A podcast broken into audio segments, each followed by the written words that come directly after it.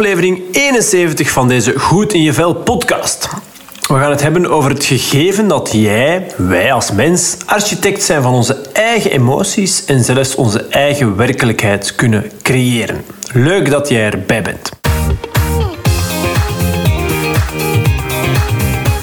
Wat emoties zijn lijkt voor iedereen duidelijk. Totdat je er naar een ja, definitie gaat vragen. Hè? Wat is dat nu eigenlijk, een emotie? Blijkt dat de gedachte die lang gangbaar was, namelijk dat we als mens allemaal bepaalde basisemoties hebben, dat die niet blijkt te kloppen. Mijn onderzoekers, wetenschappers zijn erachter gekomen dat dit toch net dat ietsje anders in elkaar zit en dat we best wel veel controle kunnen uitoefenen over onze emoties. Dit is zo waardevol dat ik het graag in deze aflevering met jou deel. Ga wat dieper in op volgende zaken, namelijk de dood van de basisemoties, de belichaamde kant van emoties en dus het gegeven dat emoties niet per se een puur psychologisch gegeven zijn, wat het dan wel is, een emotie, en hoe ze worden gevormd. En hoe kunnen we, jij, ik, iedereen architect worden van je eigen emoties en onze eigen werkelijkheid. En tenslotte positieve en negatieve emoties. Wat zijn ze en wat maakt dat beide nuttig kunnen zijn? Ik geef het je allemaal mee. Ben je er klaar voor? Hier gaan we. Charles Darwin, grote meneer. Ja, dat is die van de evolutietheorie. Die theorie is al 150 jaar oud, maar vandaag de dag nog steeds actueel. De evolutietheorie legt uit hoe planten, dieren en ook de mens zijn ontstaan uit een voorouder en zich dankzij natuurlijke selectie aan hun omgeving hebben aangepast. Diezelfde Darwin kwam ooit ook met de theorie dat wij als mens allemaal dezelfde zes basisemoties zouden hebben. Ik noem ze alle zes even op. Verbazing, angst, walging, woede, vreugde en als laatste verdriet. Darwin stelde dat deze zes basisemoties konden worden vastgesteld door bepaalde gelaatsuitdrukkingen. Psycholoog Paul Ekman dacht dit idee van Darwin ook te hebben kunnen bewijzen. Dit werd lang voor waar aangenomen en maakte van, maakte van Ekman een van de meest invloedrijke psychologen van de 20e eeuw. Elk mens op deze aarde zou ze dus vertonen, die basisemoties, en ze zouden ook door elk mens worden herkend. Ze zouden, zo werd dus lang aangenomen, universeel zijn. Hoe Ekman dit aanpakte? Hij ging naar traditionele stammen van jagers, verzamelaars, die er nog altijd hier en daar leven, en toonde die mensen foto's met verschillende gelaatsuitdrukkingen. De proefpersonen moesten dan uh, aangeven of die persoon verbaasd was, of bang, verdrietig, woedend, blij, of dat die persoon op die foto walgde van iets. In eerste instantie bleken uh, zelfs mensen die eigenlijk nooit eerder in contact waren gekomen met andere mensen, of althans toch niet met de westerse beschaving, dat zij de juiste gezichtsuitdrukkingen bij de juiste emoties konden plakken. Alleen was het zo dat ze slechts konden kiezen uit die zes. Ze kregen een lijstje te zien. Is deze persoon verbaasd, angstig, etc. Ze konden dus uit die zes emoties kiezen. En dat werkt natuurlijk een grote mate van vooringenomenheid in de hand. En dat is echt wel iets heel belangrijks voor ingenomenheid of bias noemen ze dat ook wel eens. Dat is belangrijk in het coachvak, omdat mensen die je als, die je als coach begeleidt ook voor ingenomen zijn en alleen kunnen aangeven wat ze kennen. Ik merk in mijn praktijk ook vaak, ja, ze weten niet echt wat ze willen, omdat ze door hun vernauwde bril, waardoor ze naar de wereld kijken, ja, alleen kunnen opnoemen wat ze kennen. Daarom, daarom dat uh, een goede coach nooit genoegen neemt met, ja, met het eerste antwoord. En meestal zelfs ook niet met het tweede of het derde als je vraagt wat iemand anders wil in zijn of haar leven. Maar ook in wetenschappelijk onderzoek is die bias of vooringenomenheid iets dat speelt. Hè. Je moet als onderzoeker ervoor zorgen dat de deelnemer aan je onderzoek al niet vooringenomen is. En als je ze laat kiezen tussen een lijstje van zes emoties, ja, tja, dan is dat dus wel het geval. Het baanbrekende onderzoek van Ekman bleek dus toch niet zo'n stevige op, op zo'n stevige uh, schroeven te zijn vastgedraaid en zo'n stevige basis te zijn. Men, on, men, ja, men onderzoekers dus rond hoofdonderzoekster Maria Gendron, ehm, een veel minder bekende naam dan die van Ekman, deden deze proef dan ook nog eens over. In 2014 was dat. En zij lieten de leden van die stammen foto's waarvan ze dachten dat die bij elkaar hoorden op één stapel leggen bleek dat ze, als ze niet konden kiezen uit een lijstje van emoties, dat ze die stapel foto's helemaal niet konden koppelen aan een bepaalde emotie. Wat wel zou moeten lukken als die zes zogenaamde basisemoties echt universeel waren en dus een deel van onze natuur als mens zouden vormen. Nog een andere aanwijzing dat emoties geen vast bepaalde expressie in ons gezicht met zich meebrengt, blijkt uit observaties van zogenaamde wolfskinderen. Zijn kinderen die zich geïsoleerd van andere mensen uh, zijn opgegroeid. En uh, al dan niet uh, door of in de nabijheid van een dier. Karel Linaus, die als eerste onderzoeker een begin maakte met het, uh, met het geven van wetenschappelijke namen aan planten en dieren, meende zelfs dat het nodig was om naast de Homo sapiens nog een tweede soort mens te onderscheiden, namelijk de Homo ferus. Met deze naam duidde hij uh, de sinds de 14e eeuw regelmatig in de wildernis ontdekte kinderen, uh, waarvan men veronderstelde dat ze door wolven, beren, panters, luipaarden of andere diersoorten waren grootgebracht. Dit, zo'n tussen aanhalingstekens natuurlijk experiment. Tja, het is namelijk ja, uh, ja, is geen optie om dit soort experimenten uh, doelbewust uit te voeren. Hè, en kinderen bewust in de wildernis als het ware uit te zetten. Hè. Uh, en toch zijn er van dit uh, ja, soort onderzoeken goed gedocumenteerde uh, voorbeelden. Wat natuurlijk voor elke gedragsonderzoeker zeer interessant is om te zien ehm, hoe de ontwikkeling van het gedrag van sociale levende dieren en dus ook mensen evolueert als ze opgroeien zonder normaal sociaal contact te hebben met soortgenoten. Een voorbeeld is het verhaal van Camela en Amela. Zij werden gevonden door een eh, missionaris, ehm, J.A.L. Singh, rond 1920. En wat bleek nu? Naast het feit dat een van de twee kinderen al na een half jaar na het contact met mensen begon uh, al stierf, dat ze alleen lachten als hun honger werd gestild. En slechts eenmaal, als haar, als haar zus stierf, zag de missionaris tranen op een van de twee hun gezicht, zij die in leven bleef. Waarna ze ook drie dagen niet at. Om maar aan te geven dat er geen gelaatsuitdrukkingen waren af te lezen. Wat, um, en ja, wat dus raar is als deze toch universeel zouden zijn. De eerste vier jaar um, zijn eigenlijk cruciaal voor de ontwikkeling van het kind, waarbij men behalve taal ook waarschijnlijk gelaatsuitdrukkingen leert. Volgens de recente uh, facial displays theorie zijn gelaatsuitdrukkingen geen onvrijwillige expressies van emoties, maar een vorm van communicatie die net als taal geleerd wordt. Een interessante analyse uit 2010 laat zien dat um, bowlers en voetbalfans weinig glimlachen tijdens een evenement. Um, behalve wanneer ze contact maken met anderen. Het sterkt het idee dat gelaatsuitdrukkingen zich vormen om te communiceren. Toch glimlachen mensen ook als ze alleen zijn. Maar mensen vloeken ook bijvoorbeeld als ze alleen zijn. Aangezien vloeken niet universeel is, ja, hoeft glimlachen dat ook niet per se te zijn.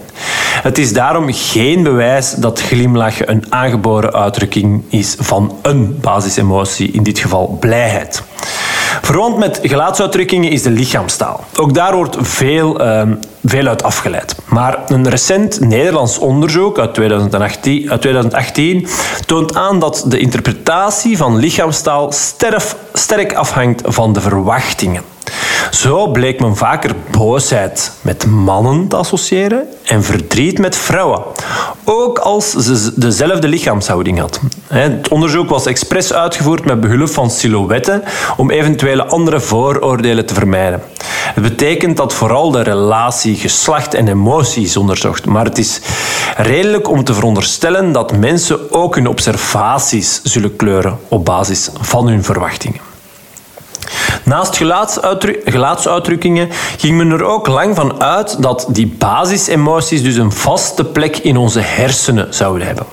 Hieraan zijn talloze onderzoeken met hersenscans gewijd.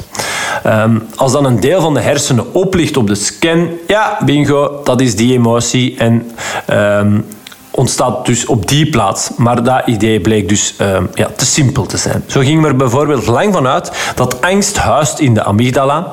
En uh, dat deel van de hersenen dus ons als het ware angstcentrum was. Ook dat bleek niet te kloppen, al dacht men dit dus wel heel lang. Hoe dit kwam? Op zich wel best een eh, speciaal verhaal. Een dame die leed aan een zeldzame genetische ziekte, namelijk Urbach-Wiete, en dus geen werkende amygdala meer had, bleek geen schrik te hebben van slangen, spinnen en zelfs bedreigingen met wapens. Dit deed vermoeden, het vermoeden dus dat we wel degelijk een angstcentrum hebben in onze hersenen. Tot bleek dat ze de dame angstig konden maken, namelijk door haar koolstofdioxide te laten inademen. Ze sloeg in volledige paniek. Uit een grondige meta-analyse, wat dus een bundeling is van verschillende wetenschappelijke onderzoeken, bleek in 2015 dat er helemaal geen vast, uh, vaste plek in onze hersenen verantwoordelijk is voor het vormen van een bepaalde emotie. Om maar even aan te geven dat het idee dat heel lang leefde van die basisemoties, dat die de prullenbak in kon of kan. Maar goed, hoe werkt het dan wel, hè? emoties? Wat is dat dan? Hoe worden ze gevormd? Toegegeven, er is eigenlijk een hele revolutie die heeft plaatsgevonden binnen de cognitieve wetenschap. De dag van vandaag is er steeds meer consensus dat een emotie dus niet iets is wat je overkomt, maar iets dat je construeert met je brein. Daar waar ook EPIC trouwens voor staat. Niet alleen dat ik mensen wil helpen een prachtig, gedenkwaardig leven te laten leiden, maar EPIC is ook de afkorting voor embodied, dus in je lichaam plaatsvindend, predictive, voorspellend, introception, introceptie of je eh, inwendige zintuigen, en de C van coding, coderen, omzetten. Ik kom daar uh, ja, ze weet nog wat verder op terug, maar uh, laat me even uh, er dieper op ingaan. We hebben een, een lichaamsgevoel en we koppelen daar een betekenis aan. We geven het gevoel waarde in ons hoofd en zo ontstaat er een emotie. Maar we, vermits we onze gedachten kunnen sturen en bepalen, kunnen we ook onze emoties bepalen. We zijn dus letterlijk de eigen architect van onze eigen werkelijkheid. Om je gevoelens en emoties te kunnen inzetten als een soort van kompas die je in je leven de weg wijst, is het nodig om een goed ontwikkeld lichaamsbesef te hebben. Dat wat we ook wel eens ons belichaamde zelfbewustzijn noemen.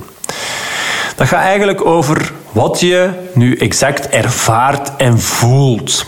En, goed nieuws, ja, dat kan je oefenen. Ik neem je graag even mee in een oefening hieromtrent. Stel voor, sluit maar even je ogen. Beeld je nu in dat je uh, in een zwembad bent en de ladder neemt naar de hoogste springplank. Ja, echt de hoogste. Je bent daarboven aangekomen en je loopt naar voren op de plank. Een steeds groter deel van het water wordt zichtbaar. Je loopt helemaal naar voren. Je staat nu met je tenen over de rand. Je kijkt naar beneden. Het water in de diepte onder je. Wat voel je nu in je lichaam? Waar voel je dat precies? Is het een aangenaam gevoel of juist een onaangenaam? En voel je meer energie en dus voel je je alles behalve kalm? Of voel je je wel kalm en ervaar je minder energie? Doe je oog maar weer open.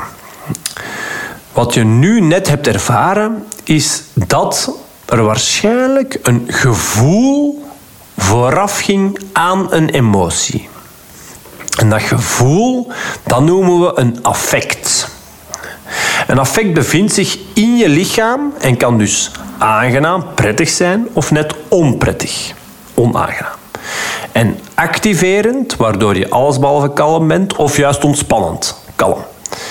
De meeste mensen voelen in het voorbeeld van zo net, bovenop de hoogste duikplank, net een hoge activatie in hun lichaam. Maar of het onprettig ofwel prettig was voor jou, hangt natuurlijk af van eerdere ervaringen die je hebt gehad in soortgelijke situaties. Daarom kan dezelfde situatie voor iedereen anders voelen. Wanneer er gedachten volgen op dat effect, affect, dus dat gevoel, kan dat affect overgaan in een emotie. Bijvoorbeeld, je ervaart een onprettig en activerend affect bovenop die duikplank, dan kunnen er gedachten opvolgen als ik durf niet, ik ga plat met mijn buik op het water vallen, mensen die beneden in het water zitten, die zullen mij uitlachen, dat soort gedachten. En de koppeling van die gedachten met dat activerende, onprettige affect leidt dan tot een emotie, in dit geval waarschijnlijk angst. Ik wil je voor nu toch nog even iets dieper meenemen in het, in het gevoel, dat affect dus, voorafgaand aan, die, aan een emotie. Een affect is het gevolg van een begrotingsuitkomst waardoor je goed of minder goed, actief of juist uh, een kalm gevoel hebt. Het gevoel vertelt je niet wat er goed of mis is, maar het zet je aan tot het zoeken van verklaringen. Het gegeven dat je je uh, bijvoorbeeld druk op je borst voelt, nee? dat je uh, je leeg voelt, dat je moe, uh, dat je snel ademhaalt, ja, dat ervaar je waarschijnlijk als onplezierig. Hè? Ehm, en met een hoge activatie. Maar dat kan betekenen dat je bijvoorbeeld bijna aan de finish bent van een loopwedstrijd en alles hebt gegeven. Hm. De informatie die je hebt over de hardloopwedstrijd, maar, maar ook de positie bijvoorbeeld bijna aan de finish zijn, ja, die geeft context aan het gevoel. Waardoor je het als meer of minder bedreigend ervaart. Concreet. Dat affect, dat gevoel, dat lichaamsgevoel, dat kun je afzetten op twee assen. Ik zou zeggen, neem even misschien een blad papier, even op pauze drukken eventueel. Um, je kunt ook een kijkje nemen op epiccoaching.be-emoties. Uh, daar kan je de moedmeter downloaden. Dat is een ja, simpel documentje dat, je gaat, dat je gaat helpen om uh, je emoties, maar ook gemoedstoestanden makkelijker te kunnen benoemen. En waar je dus ook die twee assen op gaat terugvinden. Hè. Um, dus is je gevoel aangenaam of onaangenaam? Uh, en word je er kalm of net niet kalm van? Is het dus activerend of net ontspannend? Um, je kan je affect dus uitbeelden en plaatsen aan de hand van die twee assen. Dus trek maar een horizontale streep en in het midden van die horizontale streep een verticale lijn. Die horizontale as die staat dus voor activatie. Of je kalm of net niet kalm bent. De verticale as geeft aan um, dat het affect aangenaam of niet aangenaam is. Hè. Dat, uh, dat, ja, dat, noemt men valentie. Maar goed, vergeet die uh, term voor mijn part maar. Dus horizontaal activerend en dus alles behalve kalm of ontspannend. En door die twee assen bekom je dus vier vlakken. En in één van die vlakken kan je de combinatie en dus je affect plaatsen. Het document dat je gratis kan downloaden via epiccoaching.be-emoties is een door hoogleraar Mark Brackett ontwikkelde tool die een eh, beetje is aangepast, is te zeggen een kwartslag naar links is gedraaid. En dit om de vier vlakken te laten overeenkomen met de vier kwadranten van een eh, goed leven die ik inzet in mijn coaching. En ja, welke vier kwadranten dit dat dan zijn, mocht je je dat afvragen, dat zijn passie of doen van dat wat je leuk vindt, zingeving of doen van dat wat je belangrijk vindt. En dan onder de streep, als je meer in een overleefstand staat, uh, coping, hoe omgaan met situaties waarbij het leven uh, tegenzit. En escapisme en dus uh, vluchtgedrag. Maar goed, brengt me te ver om, om ons ja, hier nu, om daar nu hier heel uitgebreid op in te gaan. Maar ik leer uh, zij die mijn Live the Life You Want programma volgen, eigenlijk te navigeren tussen die vier vlakken passie, zingeving, coping en escapisme. Um, ja, dus ook hun bijhorende gemoedstoestanden en emoties die horen bij die respectievelijke vlakken of kwadranten. Om het wat concreter te maken zal ik eens enkele dingen opnoemen uit elk vlak van uw affect. Nee. Wat staat er bijvoorbeeld uh, zoal linksbovenin? Dus in het vlak van aangenaam en allesbehalve kalm. Bijvoorbeeld in extase, opgewonden, geïnspireerd, opgetogen, opgewekt, blij, verheugd, dat soort dingen. Wat staat er allemaal van gemoedstoestanden en emoties rechtsboven? Dus in het vlak van aangenaam en kalm. Denk hierbij aan bevredigd, rustig, in evenwicht, comfortabel, vredig, veilig, meegaand, op uw gemak. En als we dan met de klok meegaan naar rechtsonder, Dus bij kalm, maar onaangenaam, dan staan daar dingen als apathisch, verveeld, ontmoedigd, uitgeput, leeggezogen, afgemat, somber. En dan linksonder, dus alles behalve kalm, um, geactiveerd dus en niet aangenaam. Daar vind je emoties en gemoedstoestanden als ongemakkelijk, zorgelijk, boos, bang, rusteloos, gefrustreerd, woedend, in paniek. Dat soort dingen. Maar nogmaals, om het visueel te krijgen, uh, download, download dan maar even uh, die moedmeter. Ik haalde deze ook al even aan in uh, aflevering 63 van deze podcast over je emoties als brandstof voor verandering of, of zoiets. ik weet exact de titel niet, maar aflevering 63. uw lichaam dat is eh, vooral belangrijk, geeft u dus signalen. Hè. Die hebben eigenlijk geen objectieve lading of betekenis. Het is pas na interpretatie door uw hersenen dat ze echt betekenis krijgen. Ik zei daarnet dus al dat een emotie niet iets is dat je overkomt, maar iets dat je construeert met je brein. Uw brein, uw hersenen. En die spelen dus een belangrijke rol in het creëren van een emotie. Ik geef er je graag nog iets meer inzicht in. Uw brein is heel de tijd eigenlijk bezig met het maken van voorspellingen. Predictive, de P van Epic. Als je loopt bijvoorbeeld, voorspelt je brein al waar jij je voet gaat neerzetten en wat dan de volgende beweging zal zijn die daarop gaat volgen.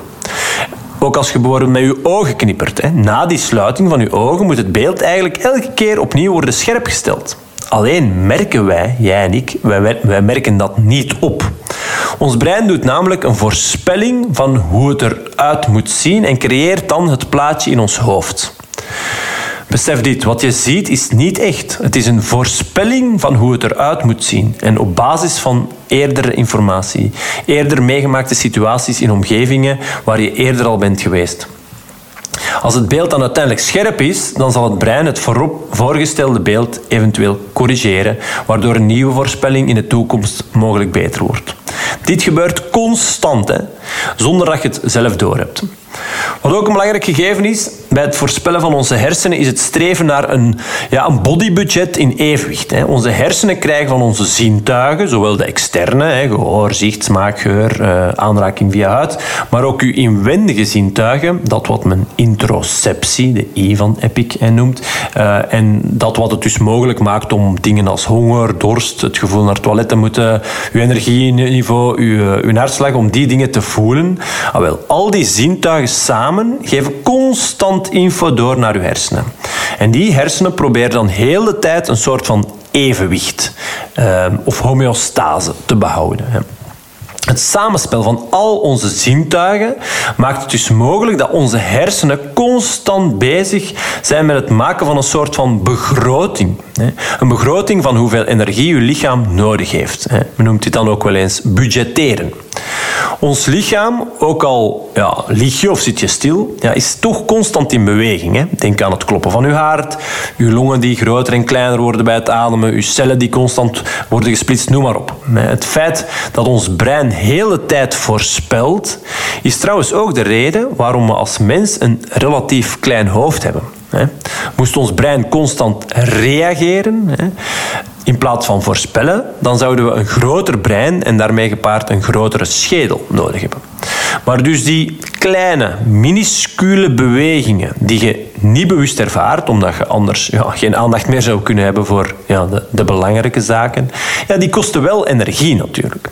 En zo komt het dan ook um, op een punt uiteindelijk dat je hersenen aangeven: oh, bijna energietekort, ga stilaan maar eten. En geloof me, dit gebeurt ruimschoots voordat je uh, zou omkomen van de honger.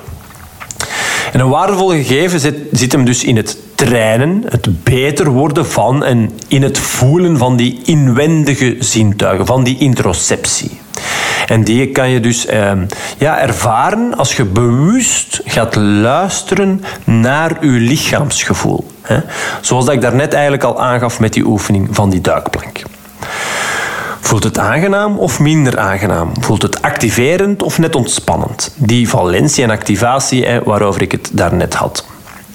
En als je dat dus kan oefenen, bewuster voelen en het kunnen benoemen, dan word jij dus architect van je eigen emoties en je eigen werkelijkheid. Jij beslist welke betekenis jij geeft aan je lichaamsgevoel. En dat was eigenlijk gewoon ja, een heel belangrijk gegeven van dat wat ik wou meegeven in, uh, in deze aflevering. Ik zou u dus echt willen vragen om eens meer te luisteren naar uw lichaam, te voelen echt. En ook proberen te beschrijven van dat wat je voelt. Want wat blijkt nu? Hoe uitgebreider uw vocabulaire is over dat wat je inwendig voelt, hoe makkelijker het ook is om je emoties te benoemen. En ja, aan de hand van dat document, die moedmeter, die je dus kunt uh, downloaden via epiccoaching.be-emoties, wordt dit natuurlijk ook wel makkelijker. Maar goed, dat gezegd zijn. Ik had je gezegd het ook nog te hebben over uh, een negatieve en een positieve invulling van emoties. Men onderscheidt dus positieve en negatieve emoties. Nu, op zich zijn ze allebei, en dat is wel belangrijk om te beseffen, motiverend. Ze zetten allebei aan tot actie. Dat is sowieso waardevol. Of een emotie nu positief is of negatief. Eh, het geeft in ieder geval eh, aan dat het waarde, ehm, waarde voor u vertegenwoordigt, als het ware. Dat je iets waardevol vindt. En dat helpt bij het maken van keuzes. Uh, ik ga er graag nog iets dieper op in, op die positieve, maar ook de negatieve emoties. En laten we misschien beginnen met die negatieve, om het dan nadien over de positieve te hebben. Een negatieve emotie, denk aan boosheid, woede, angst, paniek, schuldig voelen, schamen. Uh, ja, klinken in eerste instantie misschien uh, negatief, hè, maar toch hebben ook deze emoties voordelen. Ze zijn niet per se prettig, maar wel functioneel. Nuttig dus. Traditioneel worden negatieve emoties vooral geassocieerd met het uh, ja, verhogen van de overlevingskans en de klassieke stressreactie van vechten of vluchten. En ook al is dat uh, deze dagen niet meer aan de orde, toch blijken ze nog altijd nuttig te zijn. Zo blijkt uit een onderzoek uit uh, eh, 2012, als ik me niet vergis. Goh, ik denk dat het was een relatief klein onderzoek. Ik denk dat er maar een vijftigtal mensen of zoiets aan mee ehm, ehm, deden. Maar die mensen hadden te maken met een depressie en, en angststoornissen. Ehm, wat bleek dat hun therapie pas echt succesvol was als ze uh, niet alleen positieve emoties konden verhogen, maar juist zowel positieve als negatieve emoties konden tolereren. Om maar even te kaderen dat negatieve emoties niet alleen nuttig zijn. Hè. Ze maken ons als mens gewoon completer. Nog iets dat helpt om in te zien dat negatieve emoties best oké zijn, is het volgende. Ik heb het al vaak gehad over het grote belang van binding. Het kunnen samenwerken met anderen en daardoor ja, verbondenheid voelen. Het is niet voor niets een van de drie psychologische basisbehoeften die in elke mens wereldwijd wordt teruggevonden. Hiervoor zijn sociale vaardigheden nodig. Eén hiervan emoties kunnen uiten en ook als het ware kunnen lezen. En hoewel vriendelijk zijn zeker en vast een inspirerende eigenschap is, kunnen we het ons niet veroorloven om onze schaarse tijd en middelen aan iedereen te besteden. Hm, dat gaat gewoon niet. Het ervaren en ook uiten van negatieve emoties is net als positieve emoties een soort van smeermiddel voor sociale omgang. Daarnaast blijkt ook bijvoorbeeld dat als we boos zijn, we meer risico durven nemen. Wat soms goed en zelfs nodig is. Het gaat hier over moedig zijn. Bovendien blijken we de kans op een positieve uitkomst optimistischer in te schatten als we boos zijn. En tijdens onderhandelingen blijkt boosheid te leiden tot betere resultaten. Om maar enkele voorbeelden, positieve dan, te noemen van die negatieve emoties. Het lijkt erop dat boos zijn, zolang dat het niet overslaat naar woede, in combinatie met empathisch assertief zijn, juist heel effectief blijkt te zijn. Dan een andere uh, negatieve emotie is schuldgevoel of schaamte. Als we kijken naar de zelfdeterminatietheorie, dat is een best onderzochte theorie rond de motivatie van de mens. Uh, misschien luistertip uh, hieromtrent uh, aflevering 60 van deze podcast met als titel de nummer 1 factor voor je fysiek en mentale gezondheid. Ehm, die gaat over die zelfdeterminatietheorie. Ehm, als je dus kijkt naar die zelfdeterminatietheorie dan is iets doen omdat je je schuldig voelt of dat je ergens, uh, je ergens voor schaamt, wel degelijk een motivatievorm. Uh, een, een, bron van motivatie. Maar wel eentje die slechts een zestal maanden motivatie zal opleveren. Dus eindig en tijdig. Ehm, nu is het wel zo dat je uh, jezelf schuldig voelen een deel ehm, ja, als, als een deel van een soort moreel kompas kan dienen. Een kompas leidt u de weg. En moraal staat voor, dat, voor datgene dat wij allemaal ehm, ja, als goed of behoorlijk aanzien. Een moreel kompas kan je dus ja, de weg laten inslaan van goed handelen en goed oordelen. Wat sowieso bijdraagt tot het hebben en ervaren van een goed leven. Als je beseft dat je iets hebt gedaan dat eigenlijk niet goed was voor jezelf of voor een ander en je voelt je daar schuldig over, ja, dan kan dat dus leiden tot iets positiefs. Namelijk dat je de volgende keer net dat ietsje beter gaat nadenken en het niet meer doet. Dat werd bijvoorbeeld aangetoond bij chauffeurs die dronken achter stuur werden betrapt en als ze zich daar schuldig over voelden, dan leidde dat tot minder recidief. Schaamte, hè, dat is het, ja, bij wijze van spreken het net iets krachtigere broertje van schuldgevoel. Hè. Ehm, daar gaat het dan niet per se over de daad, maar echt over jij als persoon die als het ware veroordeeld wordt voor dat wat je fout deed. Uh, ja, dat blijkt uh, averechts te werken. Hè. uit een onderzoek uit 2013 bleek dat alcoholverslaafden die zich het meest schaamden, tot 15 maal meer alcohol dronken dan uh, zij die zich daar niet voor schaamden. Dit verklaart trouwens ook waarom obese mensen die zich schamen juist meer ongezond gedrag gaan vertonen. Het veroordelen en stigmatiseren door anderen maakt dat je jezelf ehm, ja, dan minder waardig voelt. En ik heb al eh, een aflevering opgenomen, ik weet niet het exacte uh, nummer, maar over wat is een waardig leven. Daarin gaf ik al aan dat u minder uh, waard voelen als mens ehm, ten opzichte van de mensen waarmee dat je omringt, sowieso leidt tot ja, ongezond gedrag. En met schuldgevoel valt het dus wel mee. Dat kan je eerder zien als zo'n bord dat je snelheid aangeeft, waardoor je hier ehm, ja, plots aan wordt herinnerd. Schuldgevoel kan dus nog wel leiden tot iets positiefs, schaamte niet echt. En ja, het zet aan tot actie, dus ja, dan is er sprake van motivatie, maar zoals daarnet al aangegeven, niet echt van duurzame, blijvende aard. Dat gezegd zijnde over schuldgevoel of schaamte, ehm, nadat ik dus er juist ook al iets ehm, zei over de negatieve emotie boosheid. Uh, ik wil het ook nog even hebben over angst en paniek. En nog twee andere negatieve emoties. Uh, en dan zeg ik nadien heel graag ook iets over positieve emoties. Want die kunnen we echt wel uh, ook heel waardevol zijn. Hè. Ze verhogen onder andere je focus, je creativiteit. Ehm, ze helpen ook echt om je omgang, je relaties met anderen te verbeteren.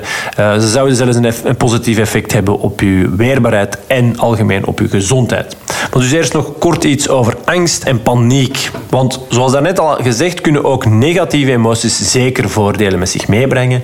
En maakt het ons leven nu eenmaal ja, completer. Hè? Zonder dag, zonder dag geen nacht, of, of omgekeerd, weet je wel. Uh, of na regen komt zonneschijn. Het is dus juist door iets dat je ervaart dat niet zo aangenaam um, is, dat je nadien ook uh, eens zo hard kunt beseffen dat je, ja, dat je juist iets heel leuk en aangenaam vindt. Hè. Dat geldt dus ook voor emoties. Men zegt wel eens, angst is een slechte raadgever, maar dit klopt eigenlijk niet. Het kan ook echt wel voordelen hebben. Terwijl je misschien zou denken dat bang zijn ervoor zorgt dat je net gaat lopen voor iets en dus vlucht, blijkt dat angst mensen net kan helpen om het gevaar tegemoet te treden. Ook hier rond werd er ooit een interessant uh, onderzoek gevoerd. Zo werd er tegen iemand in een groot bedrijf gezegd dat hij de computer van een collega, die ergens anders in het gebouw uh, zat, had besmet met een virus en dat hij of zij uh, dit zo snel mogelijk moest gaan melden. Op die tocht naar die collega werden ze viermaal tegengehouden door, als het ware, sociale obstakels, om het zo maar even te zeggen, zoals ja, gevraagd worden om, om te helpen. Wat bleek? De meest angstige personen lieten zich niet tegenhouden en waren het snelst ter plaatse. De minder angstige en meer optimistische personen lieten zich veel vaker en langer ophouden. Dus conclusie, als er echt gevaar dreigt, is iemand in de buurt hebben die angstiger is uitermate nuttig. Als je de angst niet meer onder controle weet te houden en het overslaat naar paniek, tja, dan blijkt dat het sneller leidt tot accidentjes. Maar dus, ik zet nog even wat voordelen van um, negatieve emoties op een rijtje, vooraleer we overgaan naar de positieve emoties en welke dit zijn en hoe je ze kan inzetten. Ondanks het niet altijd aangenaam zijn van een negatieve, emotie, blijkt dus wel dat ehm, verdrietig zijn, de analyse van, dus het reflecteren over dat wat uh, de aanleiding vormt voor het verdriet, minder gekleurd wordt en dus neutraler en correcter blijkt te zijn. En dat het ook helpt om betere argumenten te formuleren. Blijkt ook dat een sombere stemming bij academische testen leidde tot het vaker proberen en uiteindelijk ook betere resultaten dan wanneer men in een blije stemming verkeerde.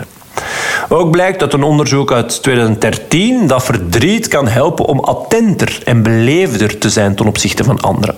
Wat dan weer kan bijdragen tot meer en betere binding met anderen.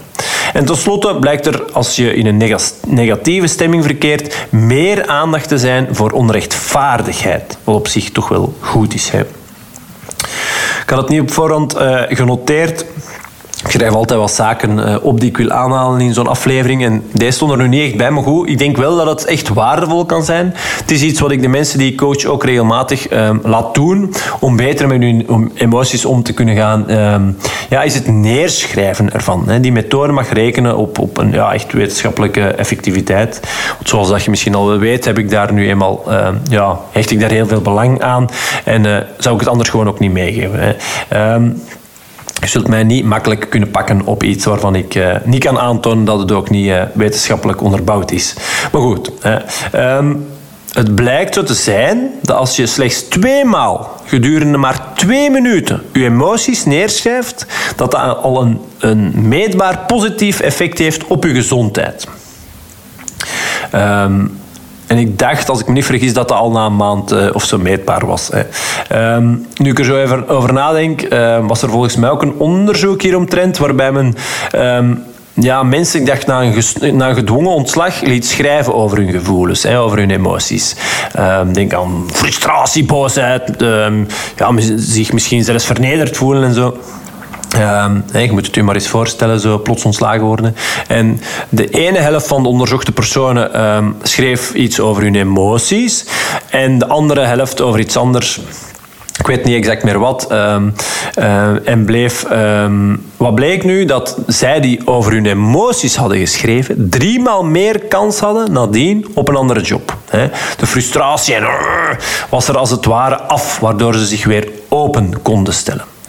En dit alles pak ik dus mee als ik mijn cliënten uh, laat schrijven. Ook al um, bleek dus dat tweemaal, twee minuutjes al, al effect heeft. Ik vraag um, hen die coach toch altijd even 20 minuten te gaan zitten. Hè, achter de pc of met pen en papier.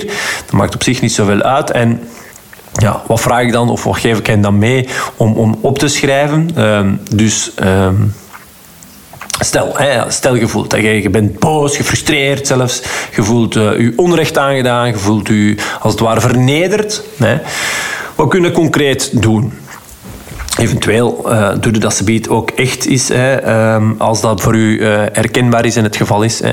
Zet een timer op 20 minuten en begin te schrijven over die bepaalde gebeurtenis. Hè. Je schrijft puur voor jezelf. Wat maakt uh, dat je niet let op spelfouten of grammaticale zaken, hè, daar gaat het niet over. Geoordeeld niet, gewoon schrijven. Blijven schrijven. Totdat je wekker afgaat. Zet dan bovenaan een naam van de grootste emotie die je voelt en hebt omschreven. En sluit het document dan. Als het digitaal is, of verscheur het blad. Hè, als, je met pen en papier aan de slag bent gegaan. Verbrand het desnoods. Hè, doe dit um, enkele dagen. Minimum twee dagen achtereen. Dit helpt echt. Het benoemen van de emotie um, is van belang om het bewuster te ervaren. En alleen al die vaardigheid, het kunnen benoemen van de emoties, iets ja, heel waardevol en uh, wat u waarschijnlijk nog uh, ja, vaak van pas zal komen in uw verdere leven. Het weggooien van datgene wat geschreven dan, ja, dat helpt om er niet mee bezig te blijven. Hè. En dit alles draagt bij tot het ervaren van een negatieve emotie zonder dat ze ontspoort. Lukt u dit, het loslaten van de emotie, dan kan, kun je eigenlijk ook nog een stap verder gaan, namelijk de negatieve emoties inzetten als brandstof voor een daad die leidt tot een positieve uitkomst. Dat, noemt men ja, ook wel integratieve emotionele regulatie. Maar goed, dat leidt ons misschien voor nu te ver af. We zijn tenslotte toch al ehm, ja, een uh, dik half uur, bijna 40 minuutjes uh, bezig. Mocht je toch iets hebben van ah, een negatieve emotie ehm, rond of bij een bepaalde gebeurtenis die, die ja, u als het ware gijzelt, hè, uh, gegijzeld houdt, um, dan help ik u daar graag, uh, uiteraard graag mee verder. Um, plan dan zeker via mijn website uh, epiccoaching.be maar een gratis gesprek met mij in. Maar goed. En wil je een overzichtje van deze oefening, die neerschrijfoefening, uh, die helpt om een gebeurtenis bewust af te sluiten? Mail me gerust even naar freat.epiccoaching.be. Dan bezorg ik je met plezier een documentje um, dat ik ook aan hen die ik hier in mijn studio uh, begeleid, uh, ja, dat ik ook graag aan jou meegeef. En dan nu, de positieve emoties. Tada, ik had het al meegegeven en uh, hier zijn ze dan eindelijk. Waarom zijn die nu zo waardevol, die positieve emoties? Hè? Ze, ze geven je, net als negatieve emoties trouwens, hè, richting. Daar waar negatieve emoties en uh, gevoelens en emoties u vertellen wat je niet leuk vindt en waar je dan eigenlijk ook liever van weg blijft, vertellen positieve emoties u net wat je wel leuk vindt en waar je meer van wil gaan doen. Deze gevoelens en emoties geven uw lichaam dus letterlijk info over wat je wel en niet wil gaan doen en daarmee dus richting. Ehm, de positieve emoties zeggen dus ook iets over je persoonlijke voorkeuren. Wie wil je zijn? Met wie wil je omgaan? Waar wil je naartoe?